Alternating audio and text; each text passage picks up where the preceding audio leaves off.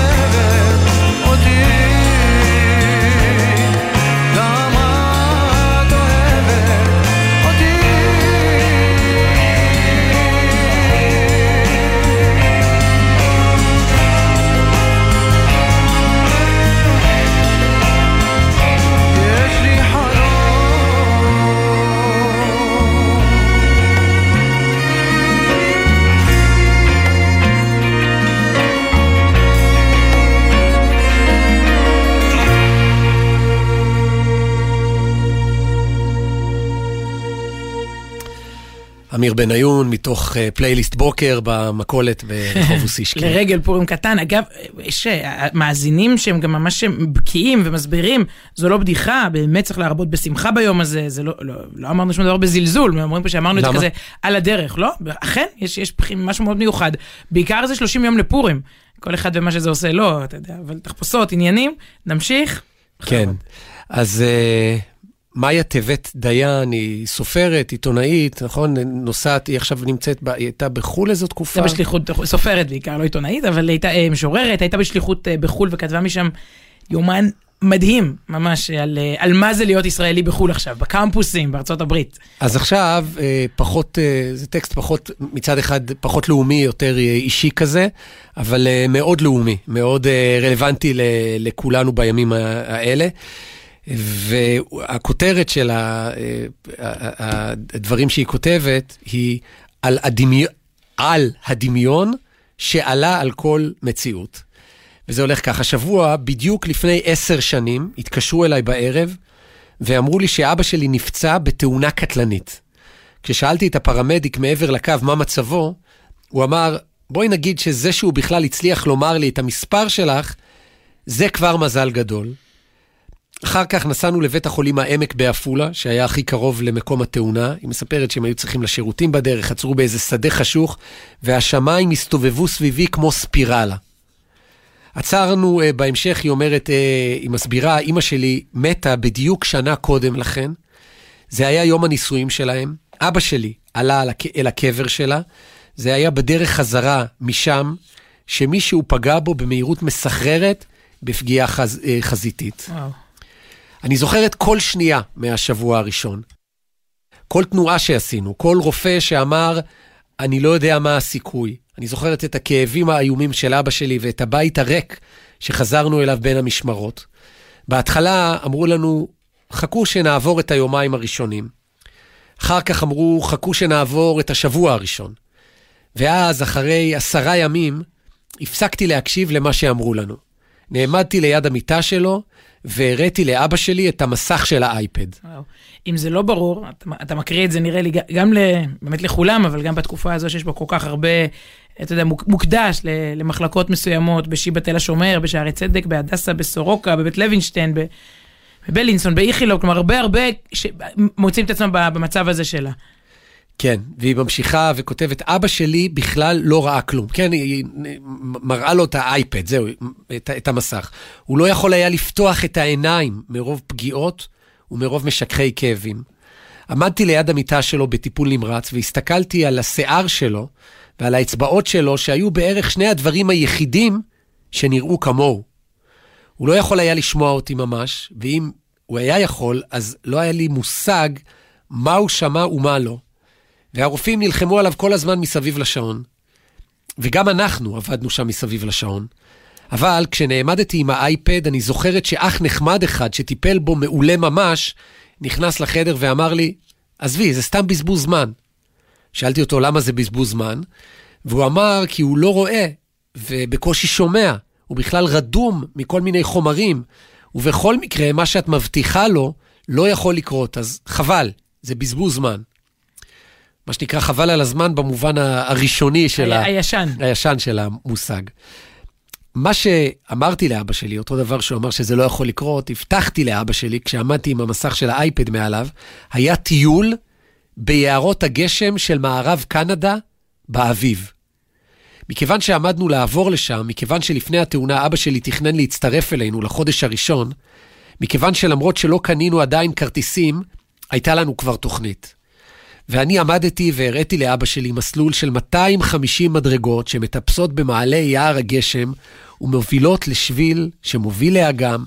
הראיתי לו את הספסל ליד האגם, ובכל פעם שהאח הנחמד נכנס לקחת מדדים, הוא הניד בראשו בהבעה כזאת של חוסר הבנה ויצא מהחדר. חזרתי על זה מדי יום ולפעמים פעמיים ביום.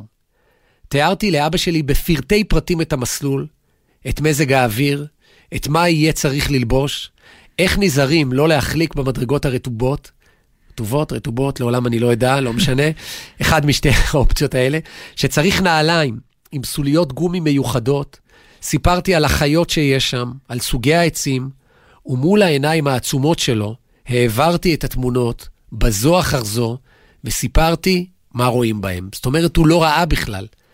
אבא שלי לא הגיב. אחרי שבועיים כאלה קניתי כרטיסי טיסה וסיפרתי לו שהזמנתי גם לו כרטיס, ומה התאריך והשעה, ומתי יהיה צריך לצאת לשדה. אני זוכרת שבשלב הזה האח הנחמד כבר לא ידע אם לצחוק עליי או להיות מודאג. הוא שאל אם זה כרטיס שאפשר לקבל עליו החזר, ליתר ביטחון. אבל זה לא היה כרטיס שאפשר להחזיר, ויותר מזה, זה היה כרטיס לכיסא עם רווח גדול במיוחד לרגליים, כי חשבתי לעצמי שבכל זאת חשוב שיהיה לאבא שלי נוח לשבת בטיסה הכל כך ארוכה לקנדה. התעלמתי מזה שאבא שלי בכלל לא ישב באותם ימים, שבקושי הגיב, בקושי היה מסוגל לזוז. התעלמתי ממחלקת טיפול נמרץ, מקירות החדר, מהצינורות, מהמכשירים המצפצפים. התעלמתי מהאח הנחמד, כלומר, לא ממנו, אלא מהתגובות שלו. התעלמתי אפילו מהפחד שלי, וככל שסיפרתי לאבא שלי על הטיול ביער הגשם, יותר ויותר ראיתי והרגשתי את הטיול הזה, עד שמבחינתי הוא הפך לעובדה מוגמרת במציאות. בעצם, הוא נהיה הרבה יותר מציאותי מהמציאות עצמה. כותבת אה, מאיה טבת דיין. דיין. לא מזמן נזכרתי בזה, שאלתי את אבא שלי, אתה זוכר שעמדתי לידך? אתה זוכר את התמונות, את האייפד? הוא אמר לי, באמת? הוא בכלל לא זכר כלום. אבל בתאריך של הכרטיס שלא קניתי, הוא היה על המטוס. במזוודה שלו וואו. היו מעיל גשם ונעליים עם סוליות לא מחליקות. שבוע לאחר מכן עשינו את המסלול ההוא. אבא שלי נעזר במקל הליכה כשטיפסנו את 250 המדרגות. אני זוכר שירד עלינו גשם, אני זוכרת שירד עלינו גשם דק, ובחיי יכולתי לשמוע שהעצים שרו. יש פסוק כזה, אגב, אז ירננו כל עצי יער. Mm-hmm. Uh, בירידה הוא היה חיוור ואמר שהמסלול הזה קצת קשה לו. אני זוכרת שהסתכלתי עליו ואמרתי לו, לא נורא, זה קצת קשה. והייתי קול כזאת, אבל בלב שלי כמעט התפוצצתי מכל הרגשות של כל מה שעברנו. זה לא סיפור על כוחות על-טבעיים. בסופו של דבר, לא הצלחתי להציל אף אחד מאהוביי ומאהובותיי. וגם את אבא שלי היה צריך כפר שלם כדי להציל. אבל בתוך הכפר הזה הייתי גם אני, ואני זרעתי זרע של מציאות אחרת, הפוכה לחלוטין מכל מה שהכרנו בקצה השני של העולם. סליחה, הפוכה לחלוטין מכל מה שהכרנו, בקצה השני של העולם, בצבעים אחרים ובמזג אוויר אחר. מציאות שבה כל מה שקרה לנו היה מבוטל ודברים אחרים עמדו לקרות. והזרע הזה נבט, וזה כל כך מדהים כשזה קורה. התאמנתי על זה אחר כך בהקשרים אחרים בחיים, קטנים מזה. שוב, משהו פחות אה, דרמטי, משבר כן. פחות אה, מאבא שלה שנפצע קשה מאוד ונלחמים על חייו בתאונת דרכים, והיא אומרת, בעוד כמה, כך וכך אה, חודשים, אנחנו נהיה ונטפס את 250 המדרגות, אתה תטפס. דמיינתי לפרטים, עד שהדמיון, גם בהקשרים אחרים בחיים, קטנים מזה, עד שהדמיון נהיה אמיתי יותר מהמציאות והתממש. זו הרבה עבודה. לפעמים אני בכלל שוכחת שיש דבר כזה, שזה יכול לעבוד. אבל ש- השבוע, עשר שנים אחרי הזרע ההוא שטמנתי בישראל, ושהפך עבורי ליער שלם בקנדה, הזיכרון הזה נתן לי אוויר לנשימה בימים אלה. הזיכרון שאפשר לעשות את זה, לטמון זרעים של מציאות אחרת, טובה יותר, ושהזמן יכול לעשות את זה, הוא אף פעם לא אה, נוח לא כשנוח ומתאים, אלא דווקא שהכי קשה. אז צריך לעשות את כל הדמיון המודרך הזה. בעצם, דווקא עכשיו, אז uh, שנזרע מציאות טובה ושקטה, שנעבוד בזה ממש, בלזרוע את המציאות, כן? הדימוי הזה של ה... במקרה שלה זה ממש היה יער שהיא הייתה צריכה לזרוע, לשתול, אבל באופן כללי, היא אומרת, לזרוע מציאות טובה ושקטה, שנעבוד בזה ממש, ושתהיה לכולנו שבת של שלום ושל שקט.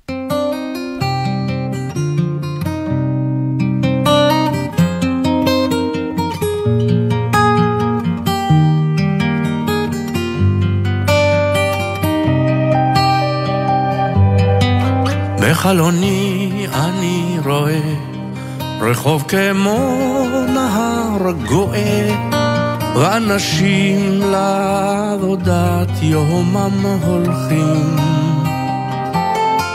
ותינוקות של בית רבן עם הילקוט שעל גבם ובידיהם כמה ענפי ההדס פורחים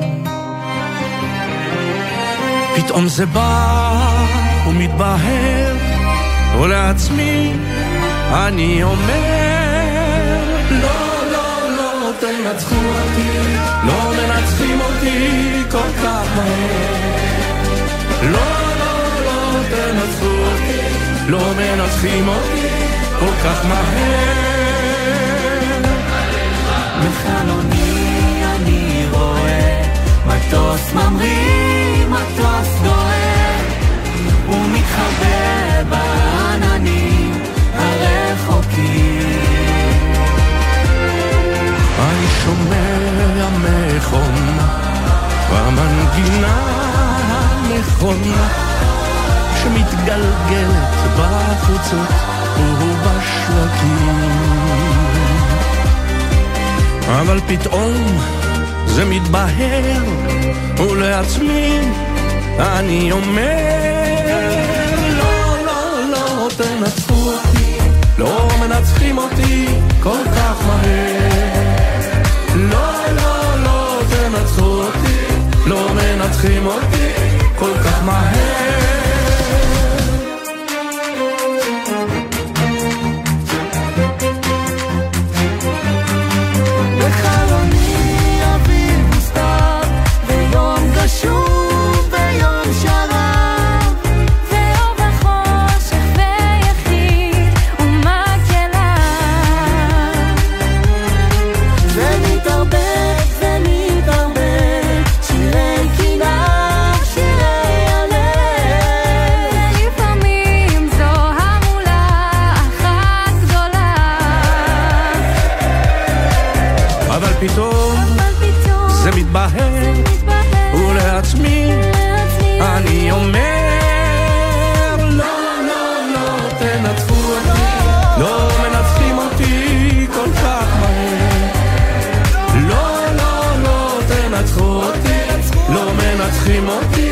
כל כך מהר.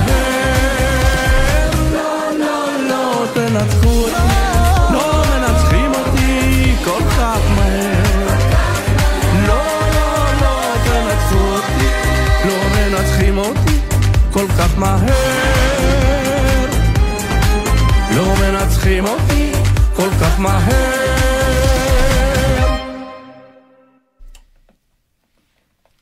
וואו.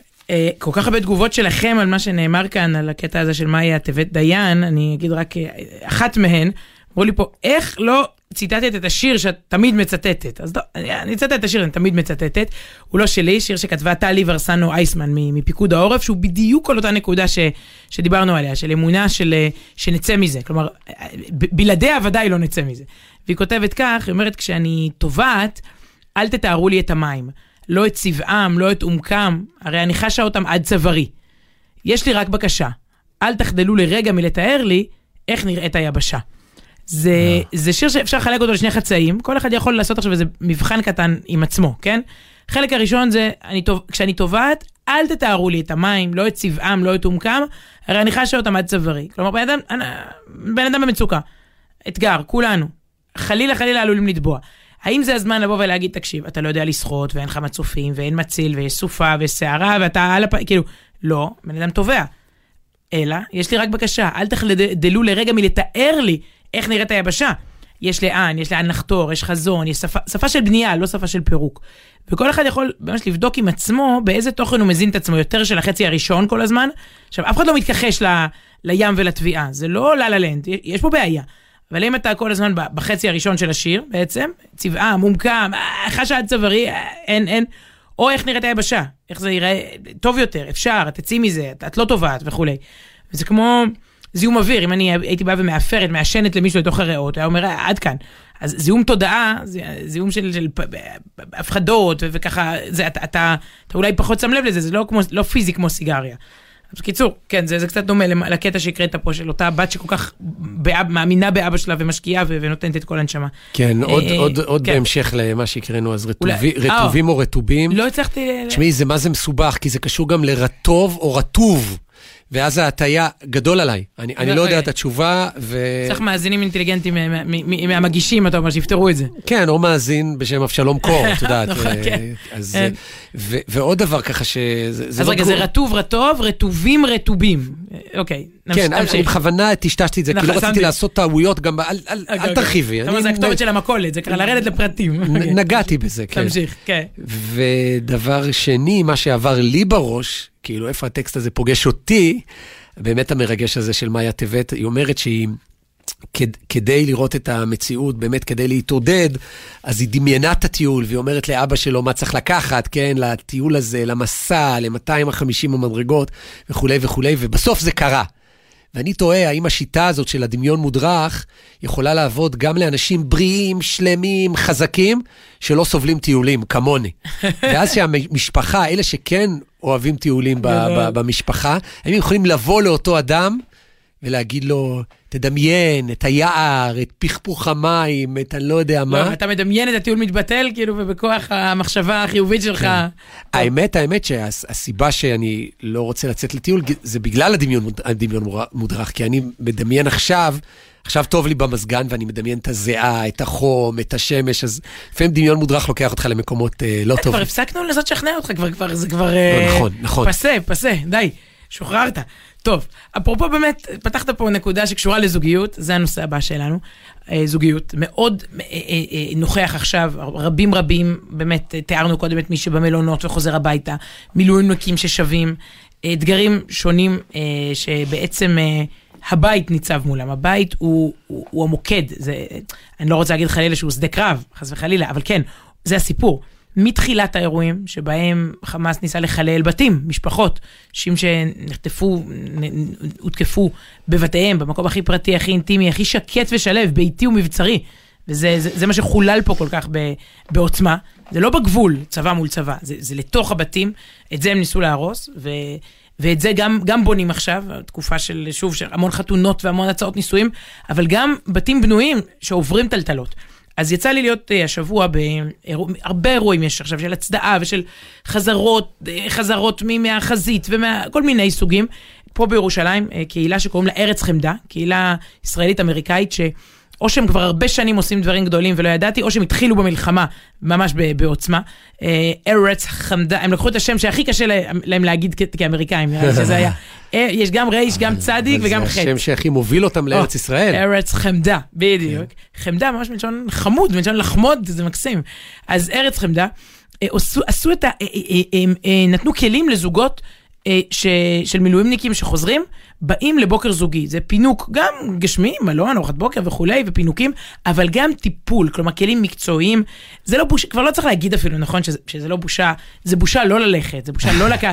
באמת, מה, אתה לא הולך לקב"ן, ואז לפסיכולוג, ואז ל- ל- לסדנה זוגית, ואז רק על הילדים, ואז גם, בעיקר אם יש, יש גם ארגונים שנותנים בהתנדבות או במחיר סמלי, וגם המדינה, וגם, יש, מע, יש מעטפת, ו, ו, ו, ואם אין, לדאוג, לדאוג שתהיה, להציף את זה, להתעקש על זה, אז, אה, אז לתת ממש כלים מקצועיים לזוגות שם. אז אני הייתי שם בתחילת היום, ו- ואז הם נשארו ממש לסדנאות, לסשנים כאלה עם אה, אה, עובד, סוציאלי, פסיכולוג, כל מיני נושאים, אתה יודע, ו...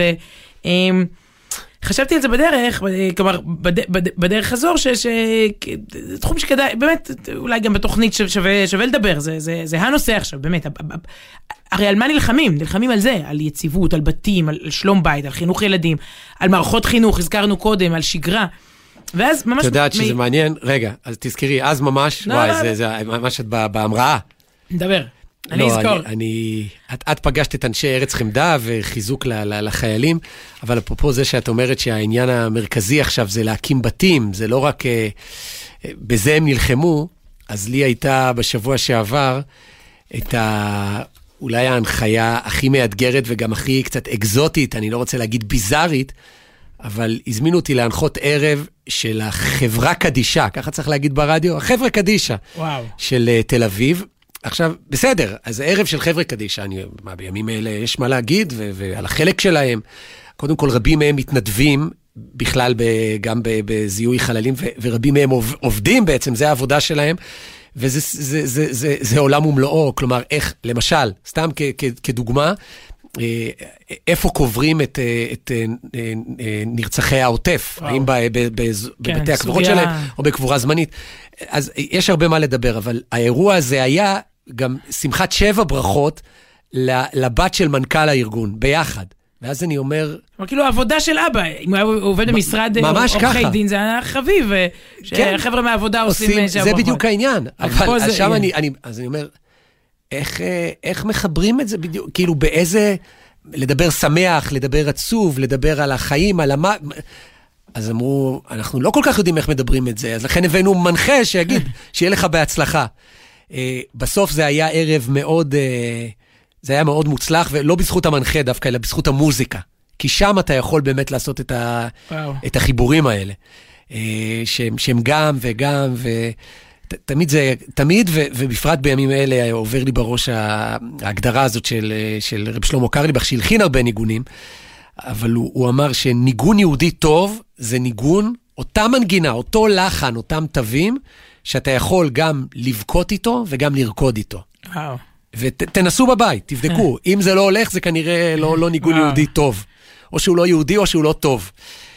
ו- ושם הצליחו לעשות את, ה- את הדבר הזה, אבל סתם אני אסוציאטיבי, עלה לדבר שם ב- בשם החברים מהחברה קדישא, בחור בשם, רגע, אני זוכר את השם שלו אפילו, יהודה ארליך. אני זוכר כי הוא גם היה, הוא, הוא, הוא שר, והוא שר מאוד יפה, ואז אמרתי, רגע, מה אתה? הוא אומר, כן, אני בדרך כלל עושה את הקל מלא רחמים, אני, ה. אני החזן.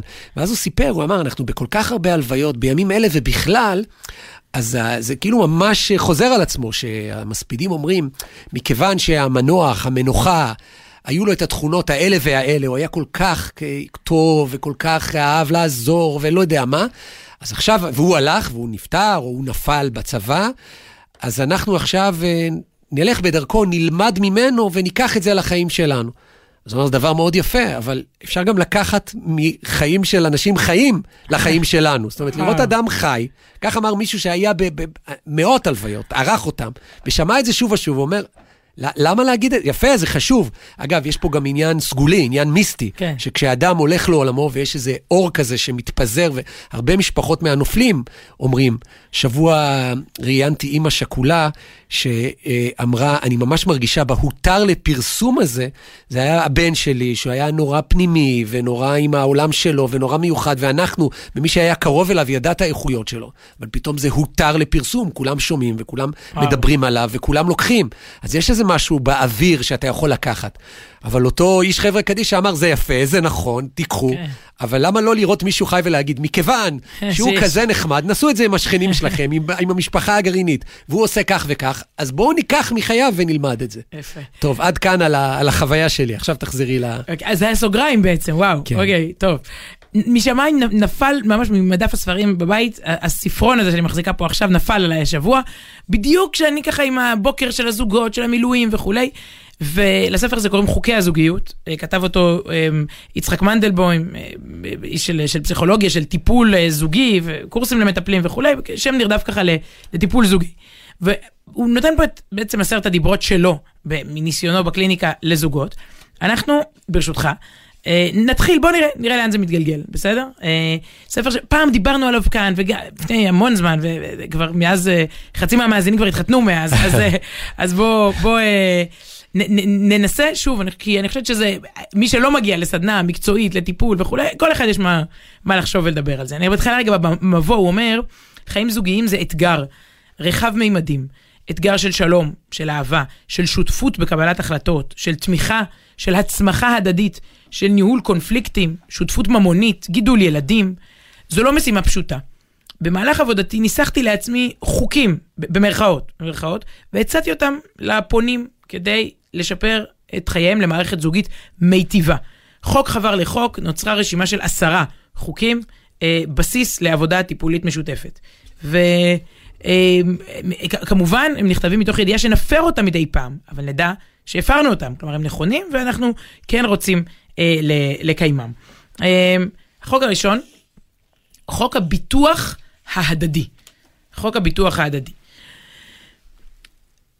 חוק הביטוח ההדדי הוא מעין ברית שבני הזוג כורתים יחדיו, ובה הם מתחייבים לקבל את השני ללא תנאי, לשחרר אותו מהדרישה התמידית להשתנות, ולהתנהל אחד עם השני מעמדה של הדדיות, ולא מעמדה של כוחנות. בני זוג רבים, הוא אומר, מניחים כהנחת מוצא סמויה ולפעמים אפילו גלויה, שתפקידם לחנך את השני, לתקן אותו, לשפר אותו, לשפץ אותו, אוקיי? ללטש אותו, ולהוביל אותו למקום שהוא הנכון לו, הוא המתאים לו. חוק הביטוח הזה בא לנטרל את כל הדינמיקה המתוארת. זה הרי ידוע שאומרים שהיום הילד מתפרע וזה וזה, את הילד צריך להכיל, את הבעל צריך לחנך. עכשיו, הפוך, לילד לא, צריך יש, להגיד... יש כאלה שחושבים שאת הילד. בדיוק. את הילד צריך לחנך, ואת הבן זוג לנסות רגע לאלה. אין הכוונה, הוא אומר, למנוע מהשני את נקודת המבט שלי. להפך, אנחנו רוצים להדגיש בחוק הזה כל הזמן את נקודת המבט הנוספת. אבל מתוך הבנה הדדית ומתוך בחירה.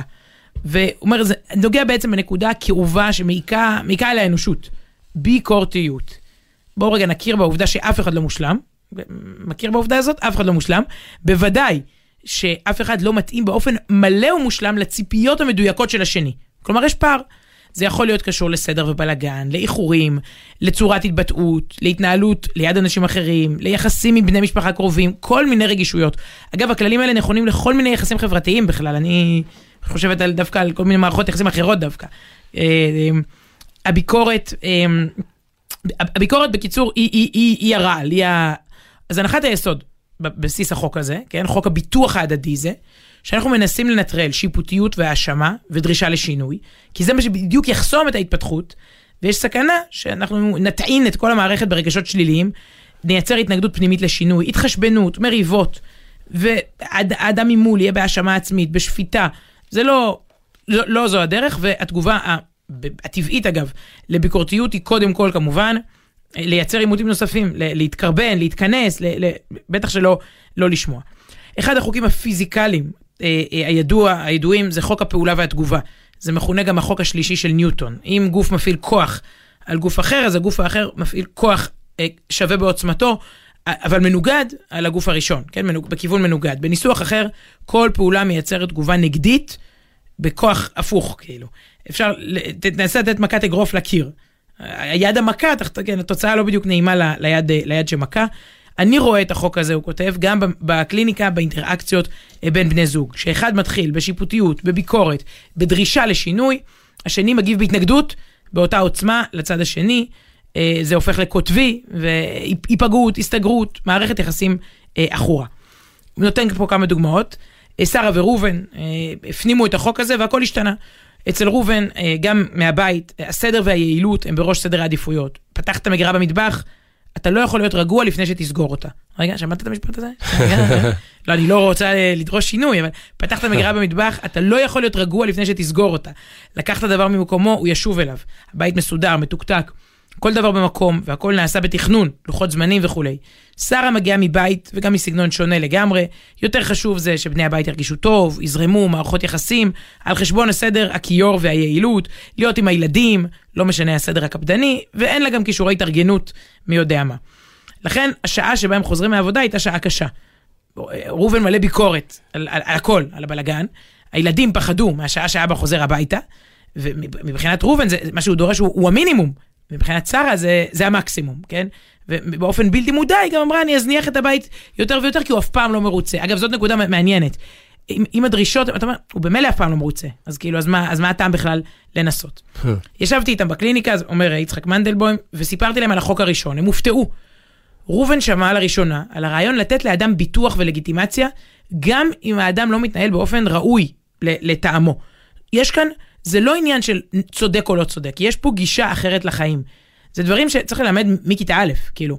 אין, אין פה נכון או לא נכון, יש פה גישה אחרת לחיים. הם התחילו להפנים את חוק הביטוח ההדדי, וההכרזה הזאת, עזוב, יש לך ביטוח מלא אצלי, הייתה חדשה לגמרי. בהתחלה הם היו אומרים את זה באופן מלאכותי ובפנים חמוצות, כן, הוא היה אומר לה, יש, לי, יש לך ביטוח אצלי. לאט לאט זה הפך להיות אמיתי ונוכח בבית, לעתים כבר מלווה בהומור ובצחוק, שזה בדרך כלל גם הפתרון להכל פחות או יותר, שכבר צוחקים יחד על המטפל, אז בכלל. אוקיי. um, ההפעלה, הם המשיכו לחוק השני, השלישי, לא, לא נגיע היום לדעתי להלאה, אבל עצם הפעלת החוק הראשון יצרה בסיס לשינוי ולשחרור, נוצרה שגרה חדשה. ראובן מגיע הביתה ואומר, מתלהב ממה שכן נעשה, והם עושים ביחד בכלל, זה, זה כאילו נוטרל, מה, מה זה משנה? מה, אה, והוא אומר, צריך לשים לב לנקודה מאוד חשובה בס- בבסיס של החוק הזה.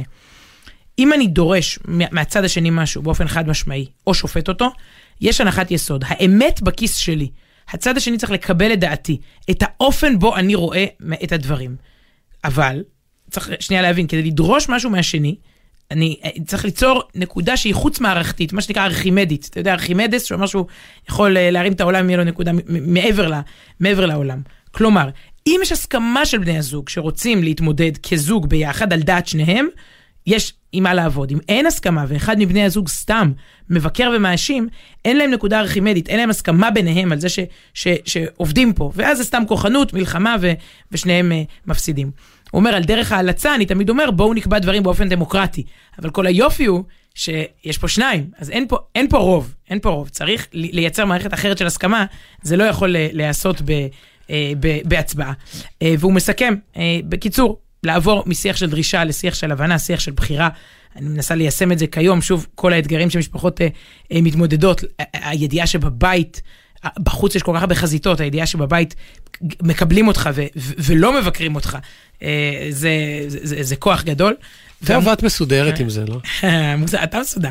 המושג ביטוח, הוא אומר אתם לקוח... רואים ככה, בעזרת הומור, בדיוק. מ- מרפאים את כל הקונפליקטים. הוא אומר, המושג ביטוח לקוח מתחום תאונות הרכב, נכון? במקרה של תאונה, חברת הביטוח מפצה את הנהג, גם אם הוא אשם.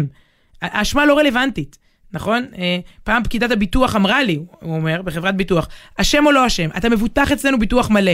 זה משפט שכל כך נעם לאוזניי, שאימצתי אותו לבני זוג. אה, גדול. והביטוח עם בני זוג הוא קצת עמוק יותר מהקשר שלך עם חברת הביטוח. במובן הפנימי, אני מקבל אותך כבריאה בפני עצמה. כחצי שני שלי, כי יש לי אמון, אני נזכר בברית, באהבה, שהיא התשתית של, ה, של, ה, של מערכת היחסים. אה, ולמרות שאולי כרגע קשה, אני זוכר את נקודת ה- ה- החיבור ה- הבסיסית, ואני נותן, נדלג ממש לסוף לשיעורי הבית שהוא, שהוא נותן. אני- כן, אני מבין כן. שהחלטתי לקרוא ספרון שלם בקטע לא, לא, בגלי לא. צה"ל. בואי נחלק את זה אולי זה רק- זה רק- לשניים, כי זה יש רק לנו עוד שיר.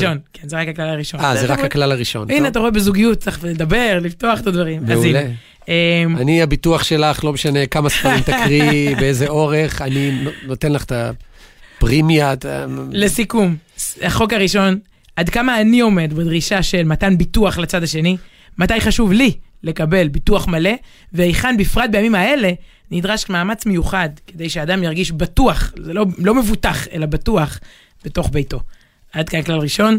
נראה אם, אה, תלוי בזוגיות בינינו, אם, אה, אם תרשה להמשיך.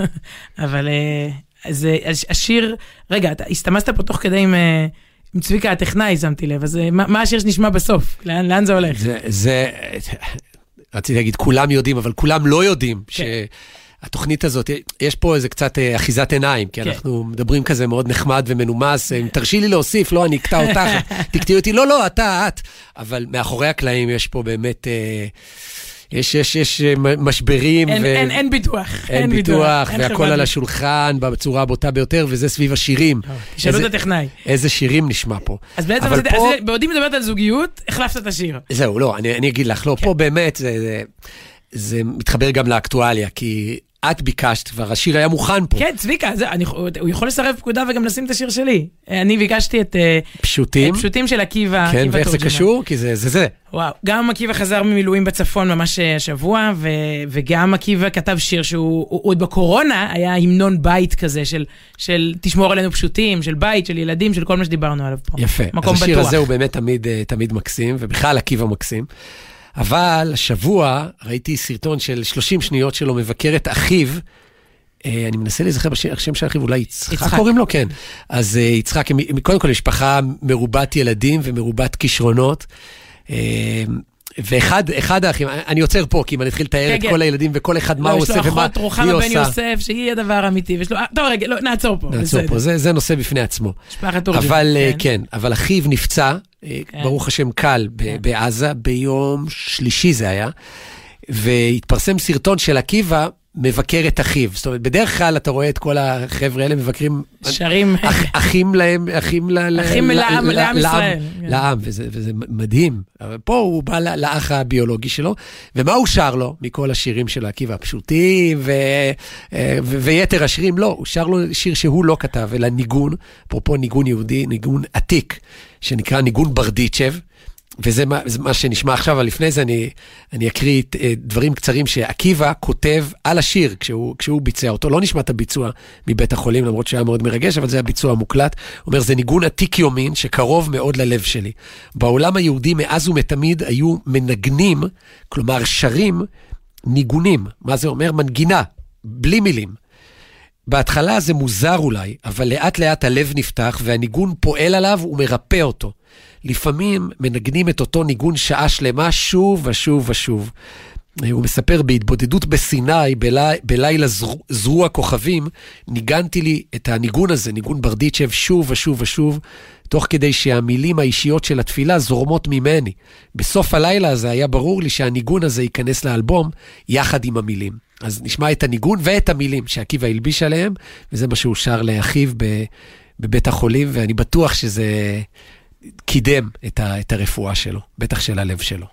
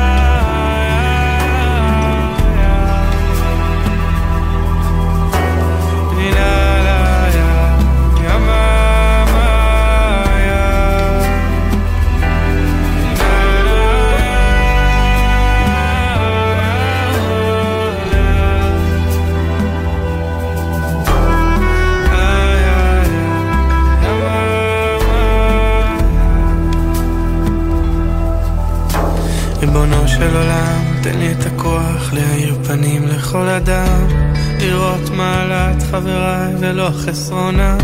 תן לי עיניים לראות בטוב ובחסד שנתת בעולם.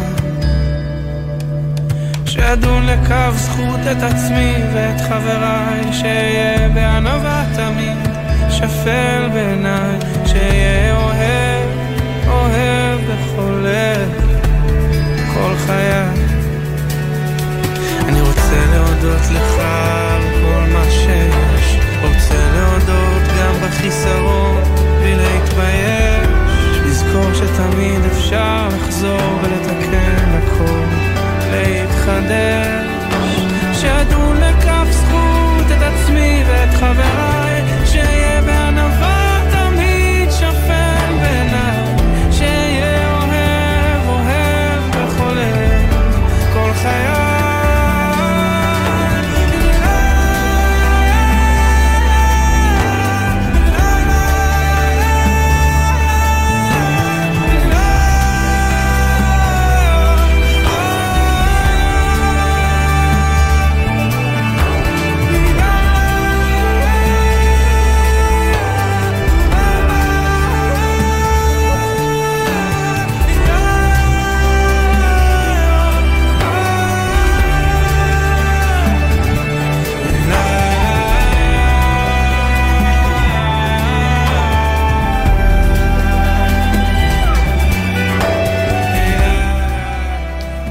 תודה לעקיבא תורג'מן על הניגון הזה, ניגון ברדיצ'ה, והמפיקה היא שירה אפרת, באולפן ביפו מאיה גוטמן, ביפו הטכנאי הוא גלעד למן, וכאן בירושלים איתנו צביקה אליהו. שבת שלום. רגע, ו- כתובת מייל. אה, סליחה. טוב. וואי, אני מתוכנת אה, לא... לזה. זוגיות, זוגיות. כתובת המייל שלנו היא סוף שבוע במילה אחת. רגע, אני יודע את התשובה. סוף שבוע במילה אחת. ב- אל תשלימי אותי, בג'ימל.קום. ועכשיו, שבת שלום ופורים קטן, שמח, וזה הקטן גדול יהיה. להתראות.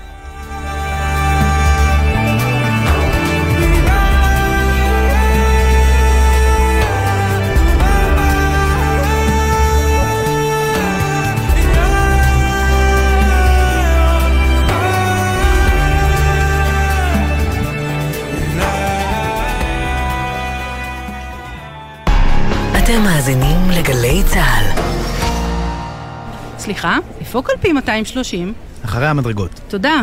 ואיפה כאן המרחב המוגן? בבחירות הקרובות בוחרים לצד ההנחיות. לכן, כשנגיע לקלפי, נשאל איפה כאן המרחב המוגן, ונוודא שאנחנו מכירים את זמן ההתגוננות העומד לרשותנו. מוגש מטעם פיקוד העורף. חבריי הוותיקים, בגילנו מגיע לנו עוד, גם בכביש. לחכות עוד דקה או שתיים בקרבת מעבר החצייה, ולא לחצות את הכביש לפני משאית או אוטובוס, שלא תמיד מבחינים בנו. ובכלל, חשוב ליצור קשר עין עם הנהג לפני החצייה, לוודא שראה אותנו ושהוא נותן לנו עוד קצת זמן לחצות. כ-50% מהולכי הרגל הנהרגים בתאונות דרכים הם אזרחים ותיקים. תנו להם עוד קצת זמן.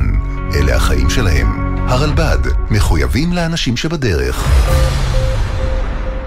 שישי בערב, נרות השבת כבר דולקים, מפה לבנה פרוסה על השולחן, הסעודה מוכנה, אבל מאות כיסאות ברחבי הארץ נשארים ריקים, עד לשובם של החטופים הביתה.